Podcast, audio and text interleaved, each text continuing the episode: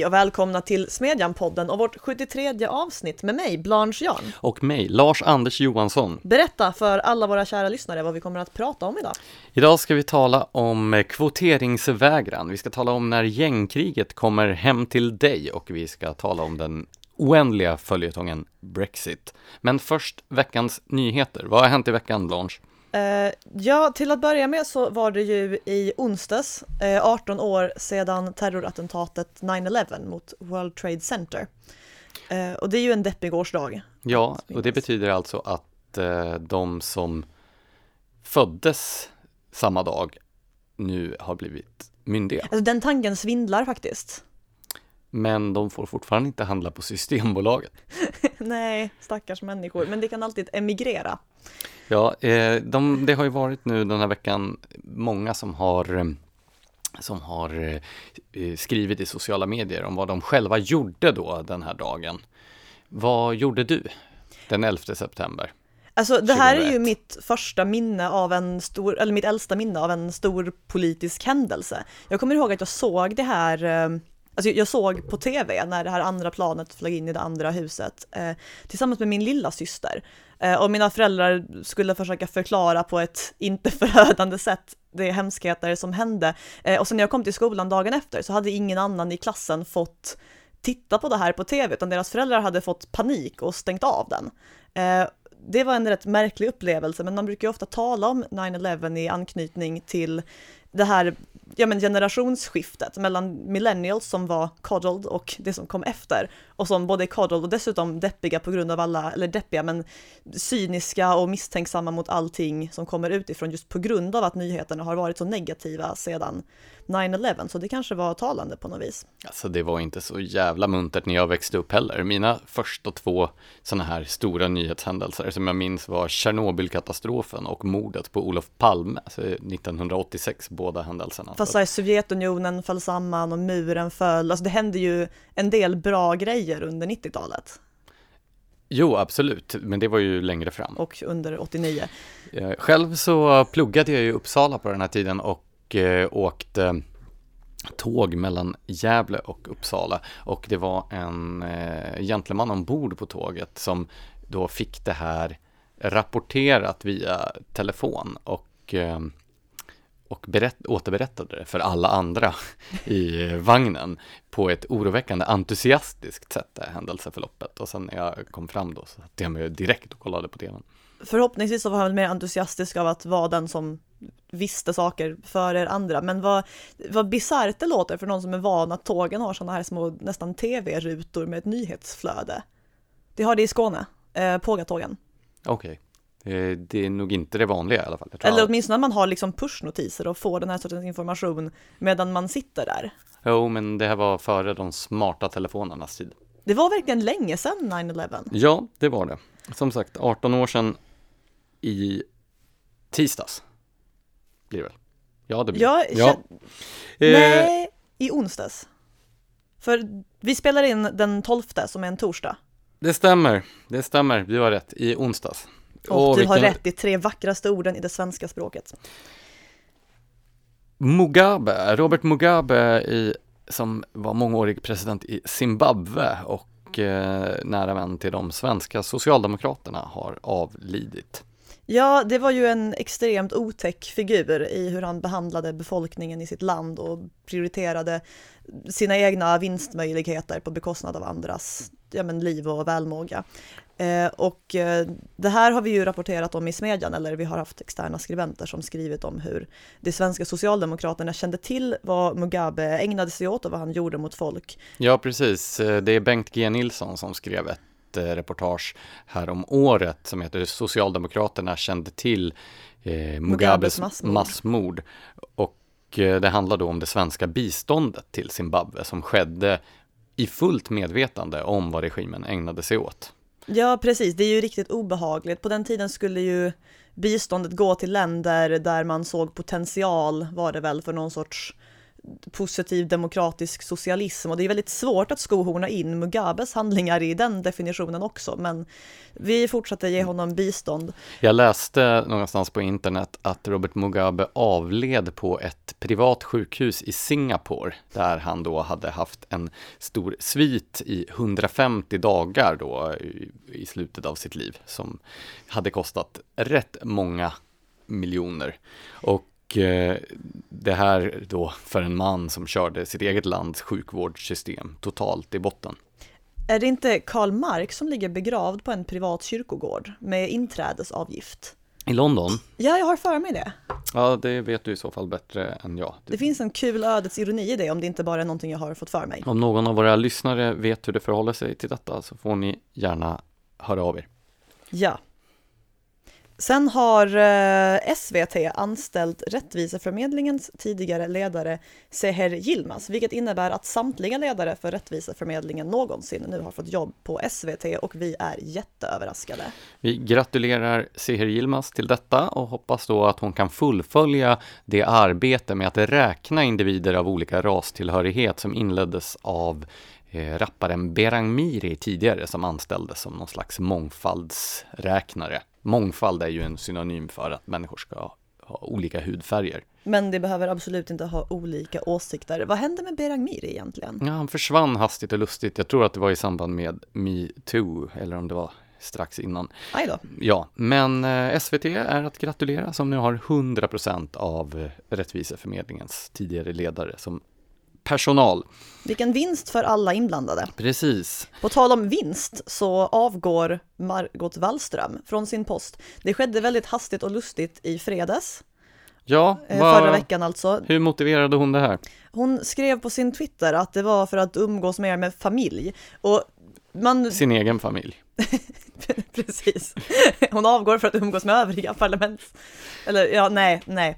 Eh, hon, alltså jag blir alltid lite misstänksam när något sånt här mysigt umgås med, med familjen skäl anges eftersom det känns som någonting som alltid döljer en mer intressant verklighet bakom. Nu är det ju konspirationsteoretisk. Ja, lite. Jag kan inte hjälpa det. Men så här, har det skett någon, någon konflikt mellan henne och Löfven? Jag vill att det ska finnas något spännande bakom det här. Jo, men det råder ju naturligtvis stor sorg över detta eftersom Margot Wallströms track record är minst sagt fantastiskt. Eller eh, du hade ju sammanställt lite vad hon har lyckats åstadkomma under sin sin tid. Jo, nej men det är ju en hel del och jag, vi vet ju inte om nästa utrikesminister också kommer att lyckas bli portad från Mellanösterns enda demokrati till exempel och det vore ju någon sorts förlust. En annan favorit är att Margot Wallström hävdade att NATO kom med hotelser mot Sverige när dess US, alltså NATOs USA-ambassadör påpekade att FN-avtalet om globalt kärnvapenförbud som då Sverige skrev under förra året rimmar illa med NATO-samarbetet. Poängen med NATO-samarbetet är ju att inte bara våldsamma diktaturer utan även demokratiska västländer ska ha kärnvapen så att en maktbalans uppnås.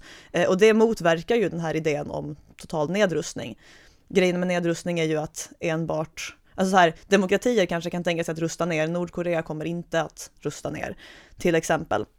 Ja, och från Bryssel kommer det fler glada nyheter. Inte nog med att Ylva Johansson har blivit utsedd till EU-kommissionär med ansvar för migrationsfrågorna. Sverige har också ansvar för brottsbekämpningen i EU-området.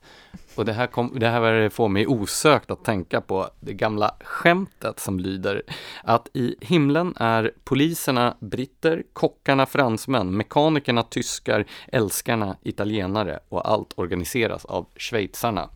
Medan i helvetet så är britterna kockar, fransmännen mekaniker, schweizarna älskare, poliserna tyskar och allt organiseras av italienarna. Och då kan man ju lägga till då och brottsbekämpningen och migrationen sköts av svenska, svenskarna. Ja, nej, vad, what could possibly go wrong? Jag förstår ju precis varför EU vill att just Sverige ska ta hand om det här. Det låter som en helt lysande idé med tanke på vårt track record. Och det stärker dig i din övertygelse om att den Europeiska unionen leds av människor med gott omdöme.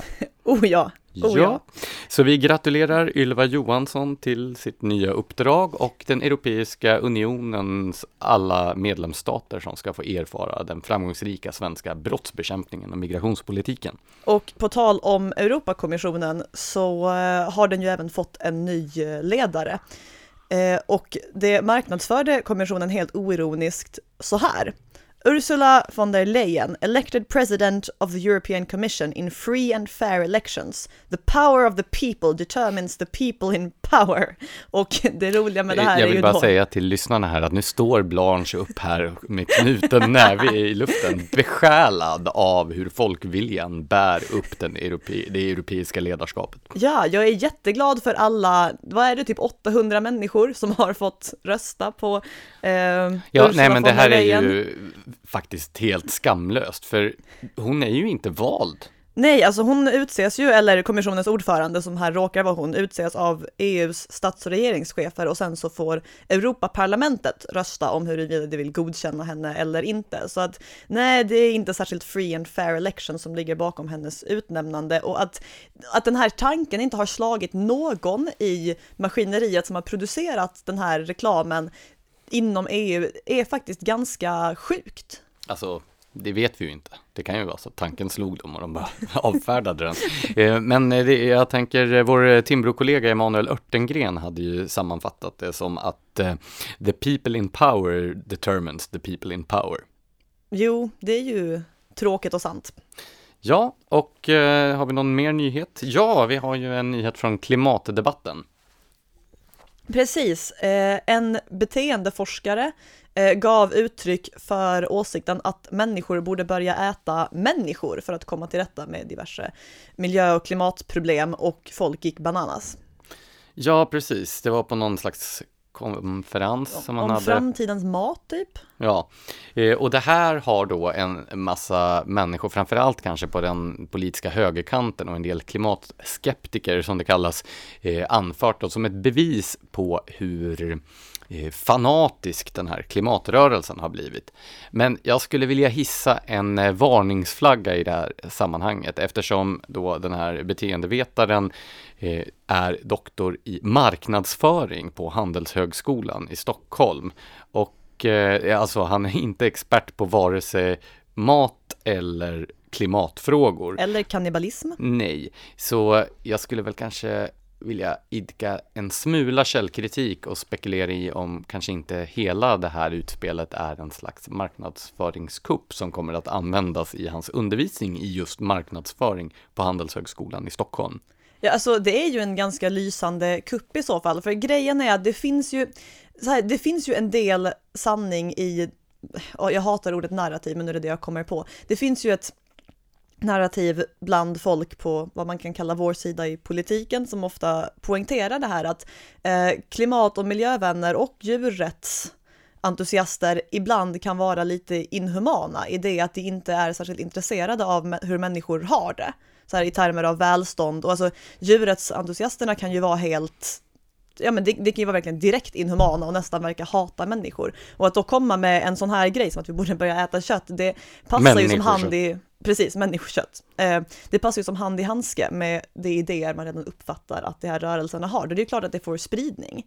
Så det är ju smart. Jo, men samtidigt så kan man väl tycka att några av de medieredaktioner som har ganska okritiskt rapporterat om det här utspelet borde ha åtminstone rest frågan, är inte det här bara en marknadsföringskupp? Men jag har hittills inte sett det. Vi kanske reste frågan och sen bara avfärdade den som EU i Alltså frågan om... rest frågan rent bokstavligen, Jaha. alltså ställt den till honom. Jaha, du tänker så? Ja, Ja, det gjorde inte det.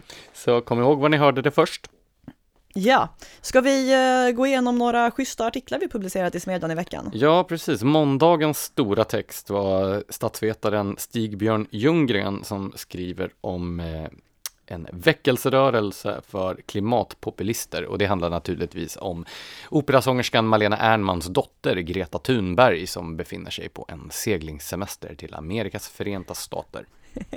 Ja, eh, Agnes Karnats som till vardags jobbar på Svenska nyhetsbyrån men som vi har glädjen att låna i två veckor nu. Ja, det är fantastiskt. Hon gör ett gästspel här så ni kommer få läsa fler artiklar av henne. Precis, men hon gick starkt ut med en text under rubriken “Gärna skidsemester, men först en rejäl ändtarmsoperation”. Och jag tycker att den rubriken inte behöver förklaras ytterligare, utan att den är säljande nog i sig. Och, Det handlar alltså om människor som avbokar dyra operationer sent med hänvisning till saker i sitt ja, på sin fritid och att det här kostar skattebetalarna massor med pengar. Och den fantastiska rubriken är naturligtvis en anspelning på Socialdemokraternas gamla valaffisch, gärna medalj men först en rejäl pension. Ja, eh, sen har Johan Lundberg skrivit eh, texten Klanen trumfar Koranen om hur eh, hederskulturer kom före ja, bland annat Koranen, men religioner i allmänhet och därför är... Ja, alltså före eh, de religioner som existerar idag i alla fall. jo, jo precis. Eh, det blir och... mycket Johan Lundberg den här veckan. Det är han som har lördagskrönikan också. Men det är ju härligt för både oss och för våra läsare. Och inte minst för Johan Lundberg. ja, eh, slutligen har då eh, Mattias Svensson skrivit en recension av 1989-utställningen på Nationalmuseum. Som han är mycket entusiastisk över. Ja. Alltså... han är jätteentusiastisk över texten han skrivit om den här Jo, men även över, över själva utställningen. Ska vi komma in på vårt första ämne? Det börjar bli hög tid att komma in på vårt första ämne och det är du som rasar mot eh, inkvoteringar i olika sammanhang, eller hur? Ja, och den här gången är det personligt. Jag satt helt oskyldigt vid mitt skrivbord. Yeah, right. jag satt vid mitt skrivbord, fick ett mail. Eh, det var ett erbjudande om ett moderatorsuppdrag som lät jättelockande och trevligt tills jag scrollade ner lite och läste att det letar efter en helst kvinnlig moderator. Ehm, och det är inte särskilt ofta jag sitter och tänker surt att det här skulle aldrig ha hänt en man, men jag kände faktiskt här att det här skulle aldrig ha hänt en man. Alltså, det behöver inte i allmänhet, nej, jag tror faktiskt det aldrig behöver höra att vi vill ha dig till det här uppdraget för att du råkar vara en man och det är vad vi letar efter eftersom man idag inte letar efter män på det sättet utan utgår ifrån att det alltid ja men så här, kommer in i sammanhangen då och inte behöver lyftas in på det här sättet. Men du vet ju att män träffas i bastun och rekommenderar varandra till glassiga uppdrag. Nej, jag är ju utesluten ur alla sådana miljöer och får därför inte veta det. Fy fan. Nej men så här, det är möjligt att han som skrev det här mejlet trodde sig göra någonting bra för kvinnor genom att försöka få fler av oss att synas i hans evenemang, men han borde faktiskt ha vetat bättre än så. Alltså, den som aktivt strävar efter att anlita just kvinnor, den menar ju underförstått att kvinnor inte klarar av att tävla på samma villkor som män. Så även om syftet är att lyfta kvinnor eller någon annan sån här formulering som man brukar använda, så blir resultatet en nedlåtande klapp på huvudet. Och ironiskt nog är detta en nedlåtande klapp på huvudet som stora delar av den feministiska rörelsen efterfrågar. Det har ju framgått att eh, det som driver företag, organisationer och partier och så vidare eh, helst vill eh, fortsätta anställa den som är bäst lämpad för jobbet. Det är talande att inte ens Jämställdhetsmyndigheten vill behöva ta, ansyn, ta hänsyn till de anställdas kön. Det skrev Jenny Sonesson om i Smedjan i våras. Om jag minns rätt så har det nio personer i styrelsen varav en är man. Vilket alltså Då är det ju nästan 100% jämställt. Ja, det är fortfarande 11% ojämställt är jag rädd, eller vad det blir. Eh, nej men Eh, idén att försöka tvinga fram formell kvotering har inte alltid varit så framgångsrik och i brist på detta har delar av den feministiska rörelsen istället valt att sträva efter informell kvotering, alltså att förmå chefer och styrelser och HR-avdelningar och sådana att välja kvinnliga kandidater för att slippa få kritik och istället kunna få beröm. Eh, och metoderna för det här skiftar. Vi har talat om flera av dem i podden och skrivit om dem. Det kan vara sånt som att kampanjledare uppmanar väljare att rösta på den kvinnliga kandidaten just eftersom hon har den bästa kombinationen av X och Y-kromosomer. Det kan vara journalister och politiker som slentrian kritiserar organisationer som befordrar eller anställer eller på andra sätt belönar män eh, och sen hyllar man istället dem som väljer kvinnor. Det roliga i sammanhanget är också att kritiken och hyllningarna ofta kommer från personer som inte har någon som helst aning om vilka kandidater som funnits för till exempel jobbet eller hur kompetenta alternativen varit. Vi har ju talat om Nobelpriset till exempel, där journalister som kanske inte har stenkoll på forskningsfältens spetsar inom fysik och kemi och så istället sitter och recenserar hur många män respektive kvinnor som fått olika pris. Eh, analysen som görs är alltså att Alltså analysen är inte intelligentare än att hälften av alla människor är kvinnor och sen är mer än hälften av pristagarna eller styrelseledamöterna eller någonting män och då är det orättvist. Det här är ju... Man kollar inte ens hur själva utbudet ser ut i dess helhet. Nej, precis. Jag kommer att tänka på apropå saker vi har diskuterat tidigare, den moderata EU-parlamentarikern Arba Kokalari, som i samband med VM i damfotboll hävdade att det är orättvist att kvinnliga fotbollsspelare tjänar mindre än manliga för att de utövar ju samma sport.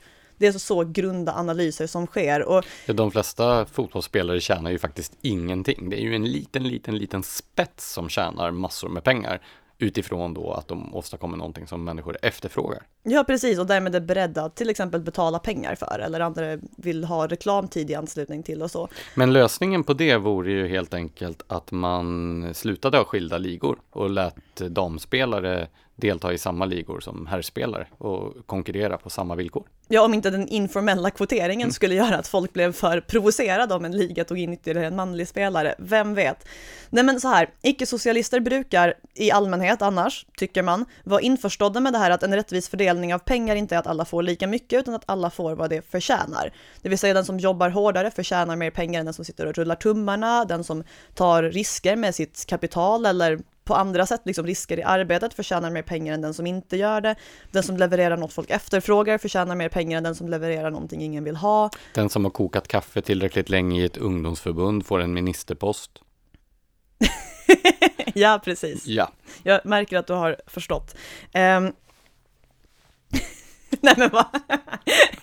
ja, eh, så här. Det funkar likadant med jobb som med pengar fördelningsmässigt. Rättvisa är inte att lika många män som kvinnor sitter runt ett styrelsebord, utan att det som sitter runt det här bordet sitter där av rätt skäl. Alltså processen måste vara rättvis. Och det ögonblick någon bestämmer sig för att huvudsaken är att vi får in en kvinna, det ögonblicket slutar processen att vara rättvis. Och det som är så sorgligt och provocerande, det är att icke-socialister i praktiken skiter i detta. Alltså även det som... Språk. Språket, Blanche. Sorry okej, okay, struntar i detta. Även det som, ja men som på pappret liksom är för meritokrati och den sortens saker, sitter i praktiken och ägnar sig åt den direkta motsatsen. Alltså jag kan knappt komma på någon organisation som på riktigt värnar meritokratin. Till och med Svenskt Näringsliv som uppfattas som en så här näringslivsbastion och marknadsekonomisk och så vidare. När det talar om jämställdhet så menar det ofta 50-50 fördelning, inte den här konkurrensen på lika villkor. Det vill alltså, säga, eh, man vill justera målsnöret, inte startblocken. Ja, precis. Man vill ha lika utfall och inte lika möjligheter. Och det är inte någonting man talar om som jämställdhet om man är för meritokrati. Ehm, jag tänker till exempel på en rapport som Svenskt Näringsliv släppte på internationella kvinnodagen i år, som hävdade att ledningsgrupper och styrelser blir mer jämställda, när det egentligen menade att könsfördelningen har blivit jämnare. Och den här organisationen som mejlade mig och ville att jag skulle sitta där i deras moderatorstol och förgylla deras image med mina dubbla X-kromosomer, den ska föreställa vara marknadsekonomisk. Och om vänsterfeministens version av jämställdhet, alltså det här att lika utfall är någonting man ska sträva efter, om den har blivit viktigare än meritokratin, till och med hos dem som ska föreställa marknadsekonomins försvarare, då är situationen rätt hopplös. Vad tror du det beror på då? Ja, alltså en framgångsrik kampanj helt enkelt. Alltså jag, vi har ju talat om det här i reklamsammanhang, att om tillräckligt många personer på poster inom så här kultur och politiska etablissemang eh, ger uttryck för en åsikt, då är det lätt för andra i till exempel det politiska etablissemanget att få intrycket att den här åsikten är någon sorts allenarådande, eller åtminstone den absolut vanligaste och starkaste åsikten, och så försöker man anpassa sig efter den. Men det som är så bittert i sammanhanget, det är att kvoteringen dessutom, alltså den informella kvoteringen dessutom skadar kvinnor i grupp. Alltså idén är ju ofta att om man bara får in fler kvinnor i till exempel styrelserum, då kommer patriarkatet att se att kvinnor visst är kompetenta, så kommer det att vilja anställa fler kvinnor. Men i själva verket blir effekten den motsatta, och det är ganska, den motsatta, det är ganska enkel logik. Om man låter en mindre lämplig kvinnlig kandidat gå före i kön för att hon är kvinna, då kommer ju den genomsnittliga kompetensnivån bland kvinnor i till exempel styrelserummet att sjunka. Och alltså, ja, relativt den manliga kompetensnivån då. Och det innebär att den informella inkvoteringen inte bara underminerar kvinnor på den aktuella arbetsplatsen, utan egentligen på alla arbetsplatser. För att eftersom det inte längre finns något sammanhang där man faktiskt kan lita på att ingen informell inkvotering sker, så finns det alltid fog för misstanken att ens kvinnliga kollega eller chef eller moderator eller vad det nu är, är inkvoterad. Alltså, och det gäller liksom inte bara folk som misstänker att deras kollegor är inkvoterade och har liksom grund, eller kan hitta grund för misstanken i det här att jo men informell kvotering sker hela tiden. Alltså även vi som är kvinnor kan aldrig riktigt lita på att vi får jobberbjudanden för att vi anses vara bäst lämpade.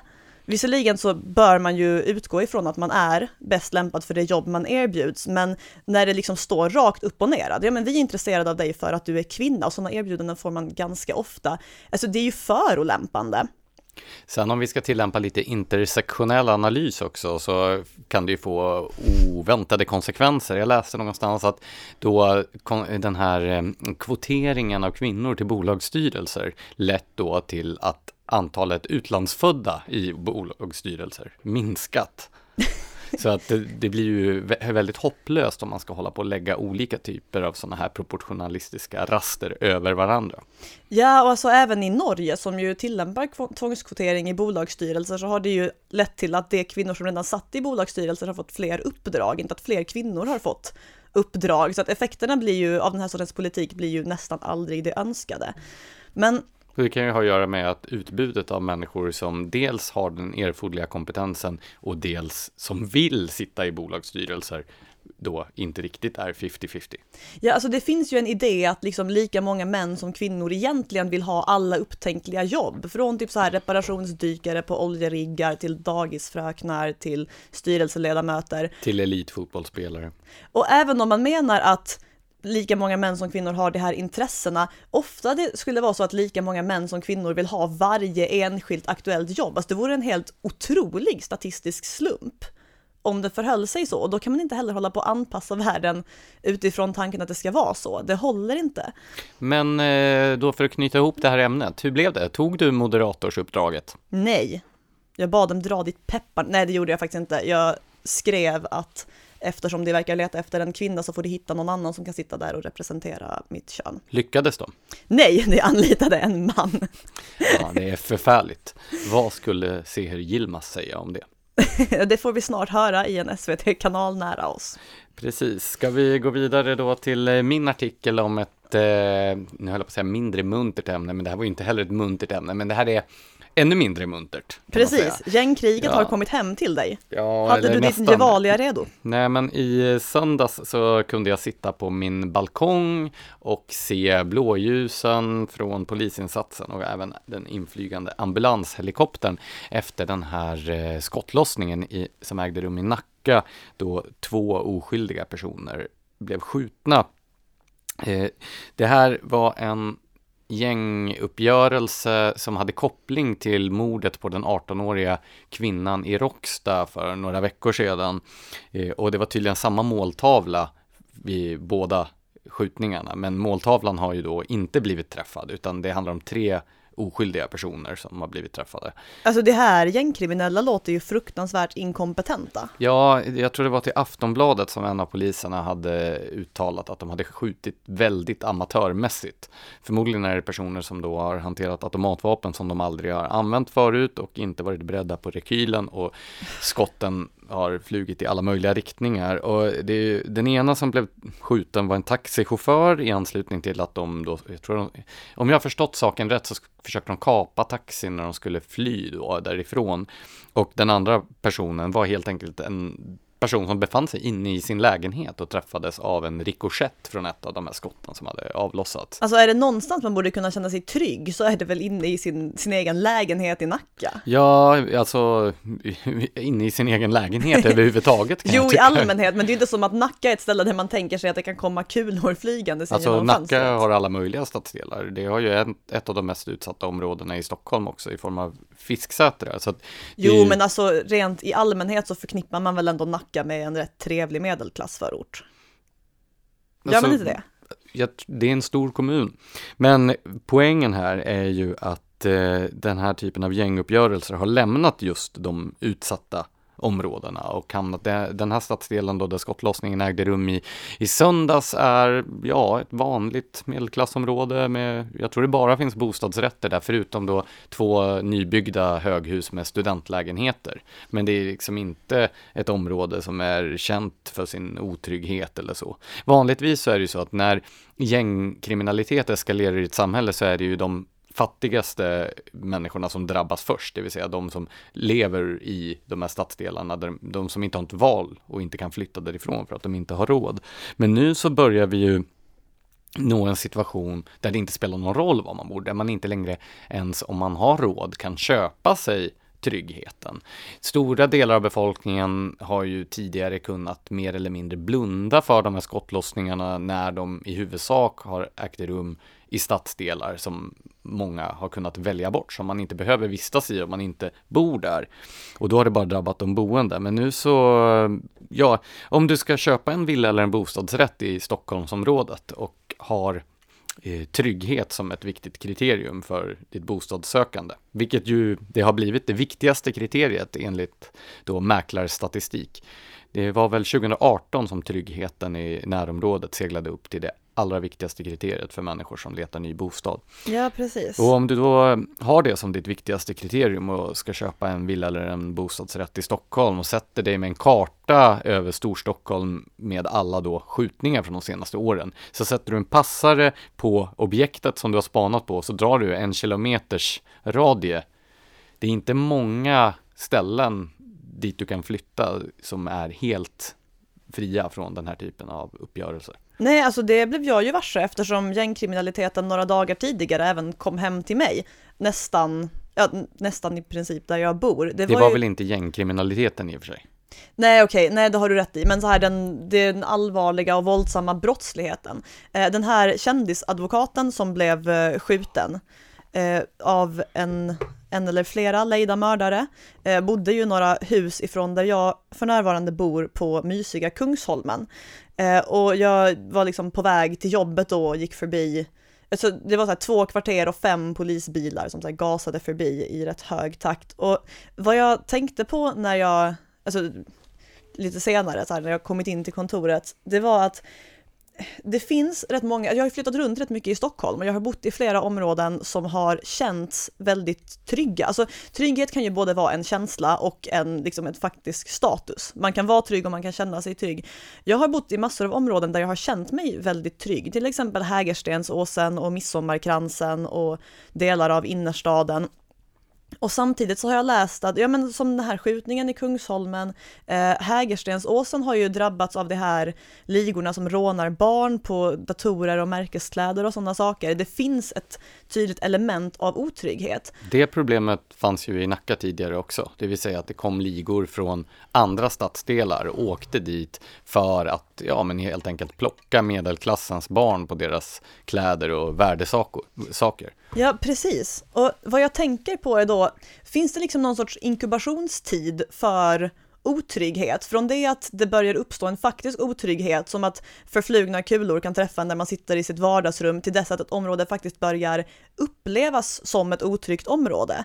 Eller är det någonting annat som ska till? Jag tänker till exempel på eh, Manhattan, som ju på 80-talet var ganska förslummat och väldigt otryggt på, på både det upplevda och det konkreta sättet. Eh, där så utgick man ju från vad som kallades broken glass theory, eh, det vill säga att det är liksom så synlig småbrottslighet, vandalism, klotter, krossade glas, den sortens små detaljer, öppen langning och sådana saker som skapar känslan av otryggheten. Och så började man där och det var rätt framgångsrikt. Så kanske kan ett område bli alltså ordentligt otryggt utan att det upplevs som otryggt så länge det inte är ja, men krossat glas.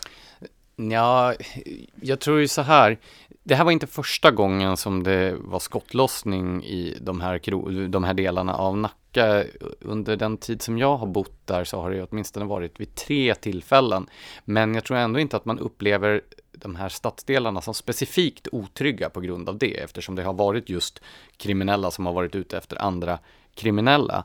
Däremot så tror jag att den sammantagna bilden av alla eh, skottlossningar runt om i hela Storstockholm som är ju, ja men det har ju blivit vardagsmat och den här känslan av att det kan slå till var som helst, när som helst gör att en allmän känsla av otrygghet breder ut sig i de flesta stadsdelar. Och det är också i kombination med att det också finns en typ av brottslighet som vi har rapporterat om i Smedjan tidigare, det vill säga en brottslighet som riktar sig direkt mot då medelklassen och överklassen om man ska kalla dem det, det vill säga de här eh, rånöverfallen i människors hem där då beväpnade rånare tränger sig in och tilltvingar sig värdesaker och bilnycklar och så vidare medan folk fortfarande är hemma. Eller då de här attackerna mot barn och ungdomar där man bara plockar deras grejer med, under knivhot. De här sakerna tillsammans tror jag skapar en eh, otrygghet som finns överallt. Men jag promenerade ju igenom den här stadsdelen där skottlossningen hade ägt rum kvällen efter då. Och eh, man såg inga spår av den. Det var liksom inga polisavspärrningar kvar eller kross, alltså sönderskjutna rutor eller någonting sånt där. Däremot så var det mycket folk ute, alltså boende i området som stod i små klungor och pratade om det som hade hänt. Och det är uppenbart att folk är skärrade av den här händelsen och att en allmän känsla av otrygghet breder ut sig. En man till exempel som hävdade att han skulle flytta ut till Värmdö då, för att han inte längre tyckte att det kändes tryggt att bo närmare stan. Och det här är någonting jag hör ganska ofta, att folk vill flytta bort från stadskärnan.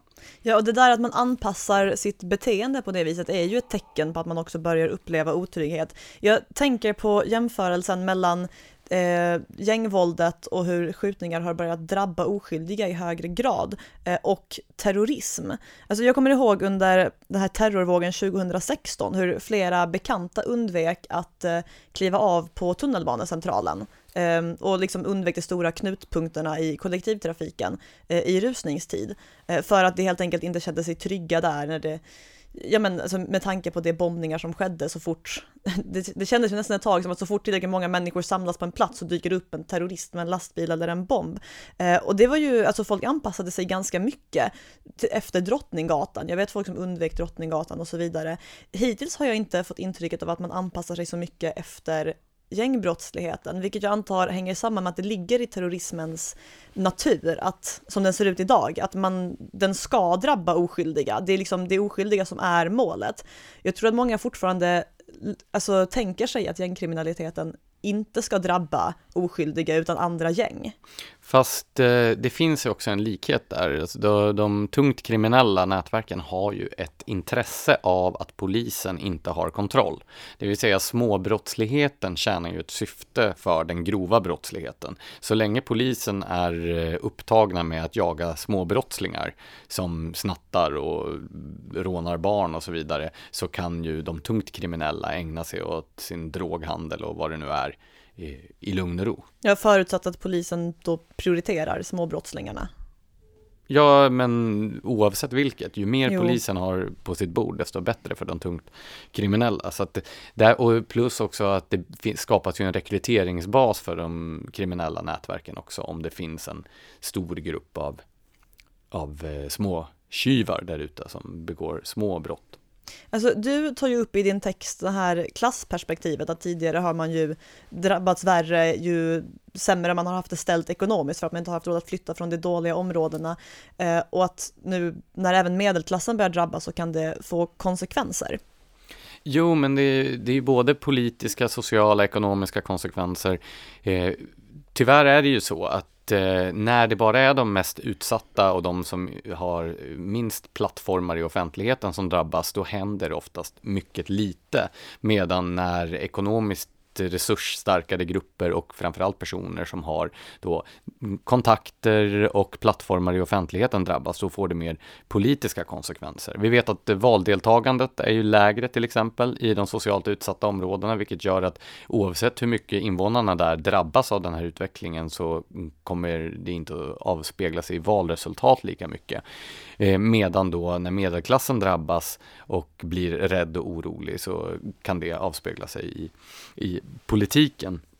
Och här tror jag till exempel då att den sittande regeringen begår flera misstag. De här samtalen nu som man har bjudit in till om gängkriminaliteten, det visar ju på att man inte alls är i fas med då samhällsutvecklingen sam, det är inte tid för samtal nu. Det finns ganska mycket konkreta åtgärder som regeringen bara skulle kunna lägga fram och få en majoritet i riksdagen bakom sig. Det behövs inte ett kafferep för att åstadkomma detta.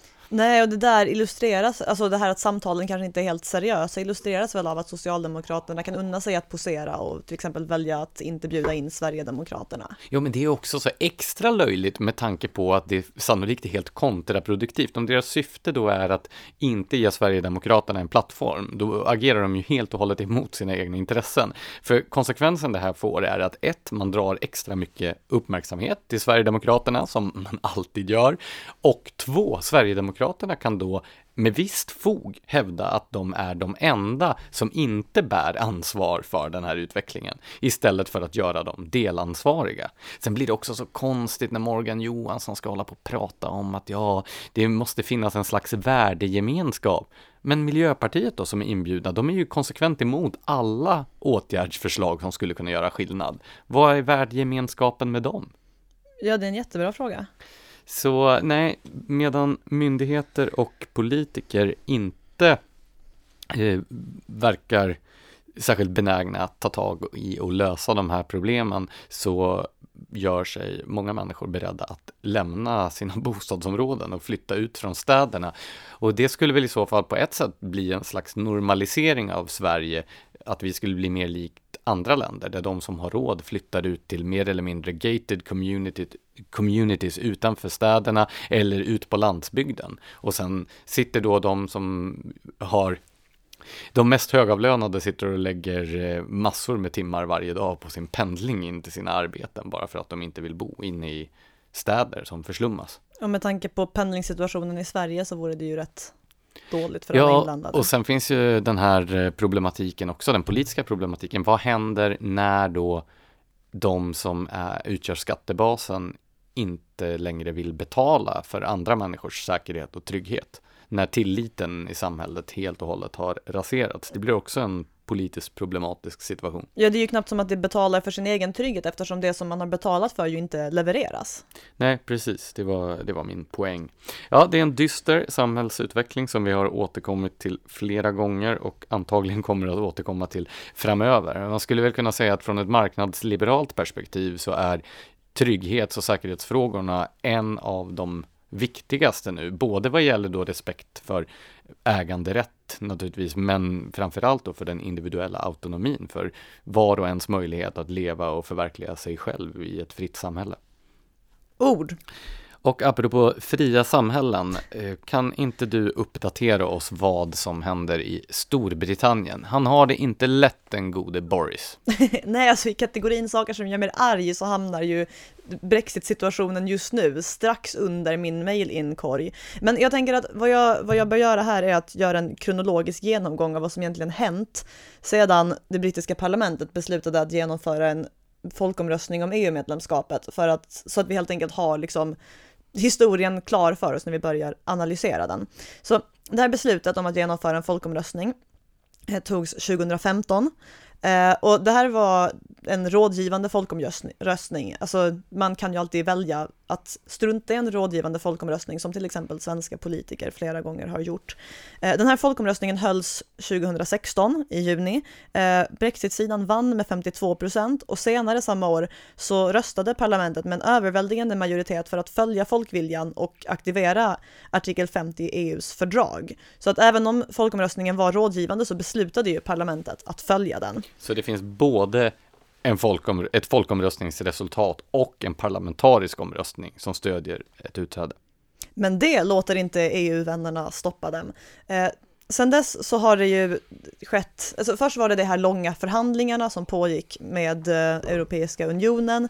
Eh, 2018 så landade man till slut i någon sorts utträdesavtal som godkändes av EUs medlemsländer och i början av i år, 2019, så röstades detta avtal ner i underhuset. Eh, Dominic Grieve la även till att premiärministern eh, i hans ögon beter sig som citat ett bortskämt barn som fått ett raseriutbrott. Slut citat. Um, och det komiska i sammanhanget är att det snarare ser ut att vara så stora delar av det brittiska parlamentet ser sina väljare. Alltså som bortskämda barn som inte vet hur bra de har det under EUs förmyndarskap och nu håller på och bråkar och skämmer ut sina tålmodiga föräldrar, jag menar politiker. Uh, ett exempel på detta är hur brexitmotståndare just nu anstränger sig för att omtolka resultatet av folkomröstningen. När det brittiska folket röstade om EU-medlemskapet i juni 2016 så var frågan som ställdes denna, och det här är min översättning från engelska, men jag, jag vågar ändå stå för att den är korrekt och tydlig. Ska Storbritannien fortsätta vara medlem av den Europeiska unionen eller lämna den Europeiska unionen? Och då var svarsalternativen dessa. Fortsätta vara medlem av den Europeiska unionen och lämna den Europeiska unionen. Så det var alltså inte frågan om att om vi har ett bra avtal, då lämnar vi unionen, men utan ett avtal så lämnar vi inte unionen. Nej. Så som man får intrycket nu när man följer debatten, då är det så att nej men om det blir en avtalslös Brexit, då gäller inte omröstningsresultatet. Nej men precis, alltså nu låtsas det ju att det stod någonting annat på valsedeln än det stod. Det var liksom inte, vi lämnar, lämnar unionen men bara om vi först har ett bra avtal, eller lämnar unionen men bara om liberal democrats blir nöjda med utträdesavtalet. Alltså det stod lämna unionen. Och när Philip Hammond då hävdar att det vore förräderi mot folkomröstningen att genomföra Brexit utan avtal, då är han ju Alltså, han låtsas ju som att någonting har stått på den här valsedeln, valsedeln som aldrig har stått där.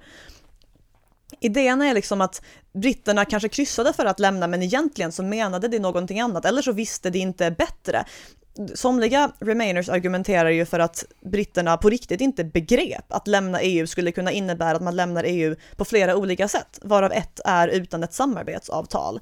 Alltså den som absolut inte kan tänka sig vad som kallas en no deal Brexit kryssade ju då förmodligen inte lämna EU för att slippa riskera det, eftersom det är så vuxna människor är kompetenta att resonera när det finns två svarsalternativ och sen sitter politiker där i parlamentet och till och med i Torypartiet och låtsas som att vuxna människor inte klarar av att fatta den här sortens beslut och det är så otroligt föraktfullt mot väljarna, framförallt mot dem som röstade på Brexit, att alltså det är svårt att finna ord för den här attityden.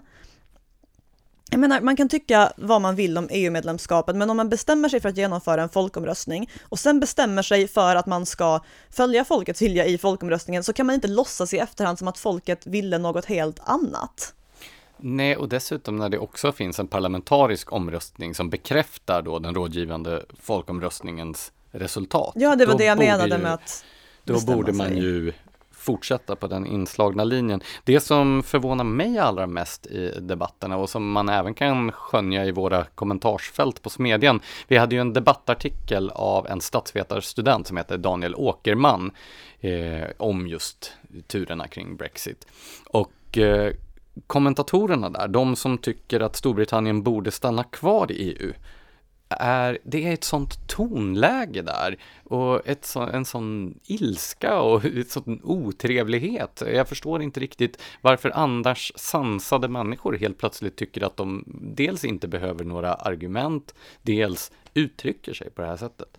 Men alltså min teori är att det där är en sorts så här, vänsterliberal idé att ja, men så här, när jag talar med vänner som är du vet, EU-entusiastiska eller remainers eller så, då argumenterar det nästan alltid för att så här, det vore dåligt för Storbritannien att lämna EU eller för Sverige att lämna EU eller vad man nu talar om, eh, eftersom det skulle missgynna Storbritannien ekonomiskt, vilket jag tror stämmer på kort sikt, men poängen här är ju att det finns andra värden än det rent ekonomiska som kan vara fullt legitima att vilja värna, till exempel självbestämmande, självständighet, att slippa ifrån den sociala pelaren. Det finns liksom andra saker folk väger in. Men EU-vänner låtsas som att det här bara är en ekonomisk fråga och att den som inte begriper, alltså den som inte håller med dem om det, spelar dumma. Och därför blir det irriterade. Alltså när jag lyfter upp till exempel att det finns ju ett värde i att kunna ha en viss makt över sin egen lagstiftning, då blir det irriterade på mig som att jag liksom sitter och hittar på en massa irrelevanta saker för att göra en poäng. Det är kanske det som förklarar tonläget. Nej men det, alltså, det är ju på en nivå som den här typen av människor annars inte skulle lägga sig på. Alltså det postas memes på nätet som är så sinneslöa att man baxnar. Som så här, jag, jag, men jag såg någon bild då där eh, eh, man skulle illustrera då vad Brexit innebär genom då att eh, genom att visa matkulturer i Europa. Och så såg man så här att, ja men vad kan det ha varit, så här fish and chips och någon öl på den brittiska sidan och sen då så här massa ostar och vin och salami och grejer från andra delar av Europa då, som då engelsmännen förmodat sade nej till. Men alltså förlåt mig, men även om det här skulle innebära att engelsmän aldrig någonsin fick äta annan mat än engelsk, alltså britterna har givit oss English breakfast och afternoon tea, vilket är två av de bästa mål mat man kan inta. Jag glömde att även från det andra perspektivet kan man lägga sig på samma låga och infantila nivå. Nej, men alltså. Ska vi avsluta det här ämnet och gå över till segmentet med lyssnarfrågor? Jag vill faktiskt invända mot att jag skulle vara infantil, för att jag tycker afternoon tea är en fantastisk måltid. Men okej, vi kan lämna det här för den här gången till förmån för lyssnarfrågorna. Ja, och eh. lite förnedrande för din del är att vi måste införa en rättelse. Nu har du allt trampat i klaveret. Alltså det hade ju inte varit förnedrande om inte du hade valt just det ordet. Men tack så alltså jättemycket för det. Vi kanske borde ha en jingel när det införs rättelser i Smedjan-podden. Jag vill påminna dig om att du senast i början av det här avsnittet yttrade orden du hade rätt till jo, mig. men eh, du hade även fel och det ska vi påtala nu. Vi har ju en vuvuzela här på redaktionen, så den kanske vi skulle kunna blåsa. Hur var det med den infantila nivån här egentligen? Okej, okay. så, så nu, till rättelsen. Ja. Berätta om vad du hade fel i, Blanche. jo, eh, i det förra poddavsnittet så hävdade jag att Sara Skyttedal åkte fast i Sverige för pepparspray som är laglig i Danmark. Och då hävdade Erland Holmbäck, poddlyssnare, i vårt kommentarsfält att Sara Skyttedal åkte fast i Danmark då hennes självförsvarsspray som var laglig i Sverige inte var det i Danmark. Eh, och det har Erland Holmbäck förstås helt rätt i.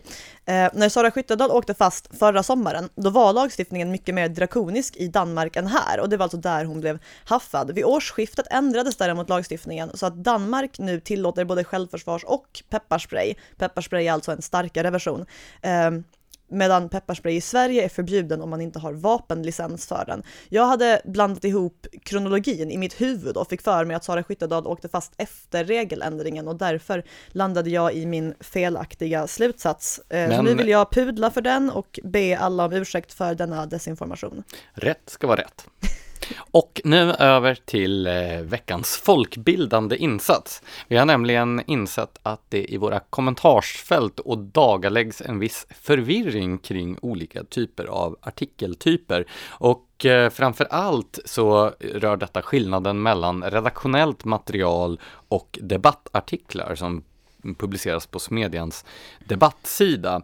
Och och eh, anledningen till detta är, vi fick en kommentar från en Lennart Svanfält på vår Facebook-sida som eh, apropå den tidigare nämnda Daniel Åkermans debattartikel om Brexit skriver Smedjan, kan ni definiera er syn på demokrati? Det är ju allmänt känt idag att Brexit-valet inte var demokratiskt korrekt. Det var det visst. Utan att flera uppgifter om konsekvenser i samband med utträdet ur EU var falska. Två utropstecken. Märkligt minst sagt, tre punkter. Och eh, här då apostroferar Svanfält Smedjans redaktion för att han är upprörd över någonting som en extern skribent skriver i en debattartikel.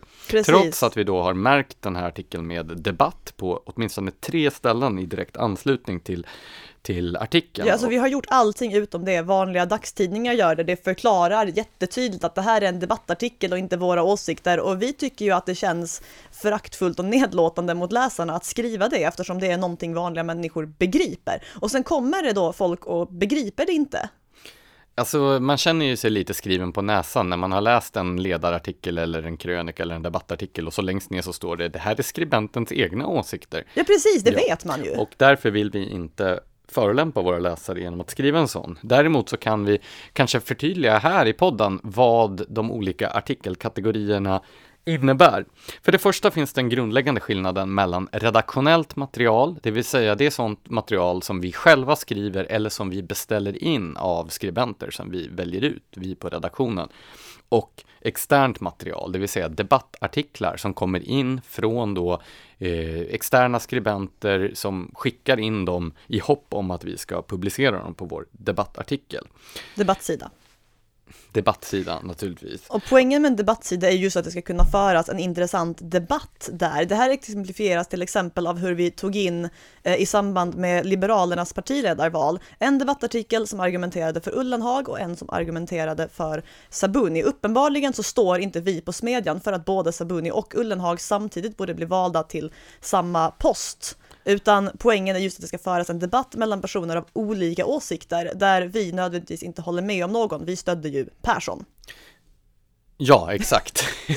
Eh, ja, och ett annat exempel var ju då i samband med Europaparlamentsvalet när då eh, Europaparlamentarikerna Fredrik Federley och Kristoffer Fjellner. Kristoffer Fjellner förde en ganska hård debatt på Smedjans debattsida. Ja, det var verkligen shots fired. Det var en bra debatt. Och det faktum att vi inte står bakom vad debattartikelskribenterna tycker och driver för linje betyder ju inte att vi tar in vad som helst på vår debattsida, utan vi tar in debattartiklar som vi tycker har någonting relevant att säga i en debatt som vi tycker är relevant. Så att vi gör ju ett redaktionellt urval, men det redaktionella urvalet är inte nödvändigtvis bara för att debattartiklarna ligger i linje med våra egna uppfattningar. Om vi sen ska orda någonting då om de olika kategorierna redaktionellt material, då har vi ju, dels har vi större, mer omfattande artiklar som alltså reportage eller essäer, intervjuer. Bok, intervjuer, bokrecensioner och så vidare. Men där brukar det vara ganska klart tror jag, vad det är för typ av material det handlar om. Utan där förvirringen uppstår, det är ju just mellan ledarartiklar och krönikor och sen då debattartiklarna som vi redan har diskuterat. Precis, och grejen är att både ledare och krönikor är ju material som bearbetas redaktionellt. Men ledare är ju saker som ligger i linje med vad vi på Smedjan eller våra medarbetare på Timbro står för. Det skriver ju också ledartexter, men inga externa skribenter annat än jag, Lars-Anders och Timbro projektledare skriver ju ledare i Smedjan eftersom vi har en sorts hyfsat konsekvent linje. Vad gäller krönikorna så är det personer vi tycker har intressanta och ofta vettiga saker att säga och ger i uppdrag att skriva i Smedjan. Sen bearbetar vi det. Det behöver inte alltid vara åsikter som är precis vad vi håller med om, men det är fortfarande åsikter vi tycker är relevanta och viktiga att lyfta.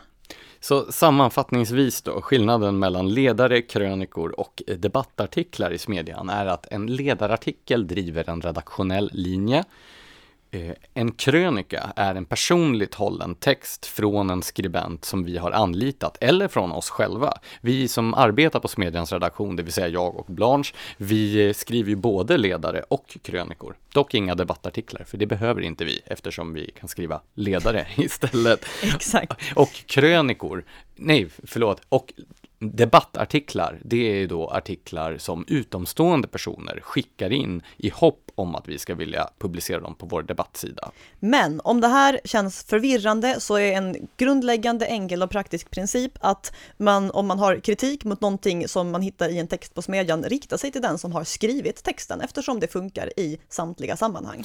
Ja, och om man tror att varje artikel som publiceras är uttryck för då eh, Smedjans linje eller en Timbros linje eller högerns linje eller näringslivets linje eller gud vet vad, då kommer man att bli oerhört förvirrad eftersom vi ibland publicerar texter med rakt motsatta ståndpunkter. Vi måste ju verka helt schizofrena.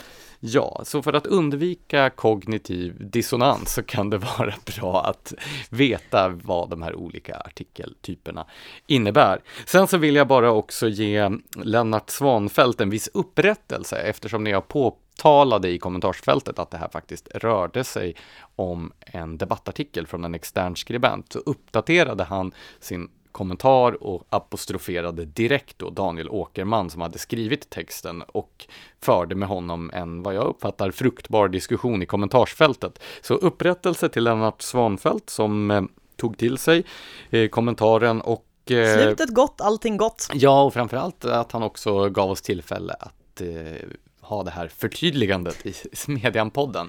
Är det något mer vi behöver säga innan vi avrundar det här avsnittet, Blanche? Följ oss i alla sociala medier och ge oss jättemånga stjärnor och likes. Varför låter du så sarkastisk? det gör jag alltid när jag säger trevliga saker, jag får ofta kritik för det. Men jag menar det, följ oss väldigt gärna i sociala medier. Ge oss gärna positiva tillrop och likes, helt oironiskt. Ja, tack för att ni har lyssnat. Ha en trevlig helg!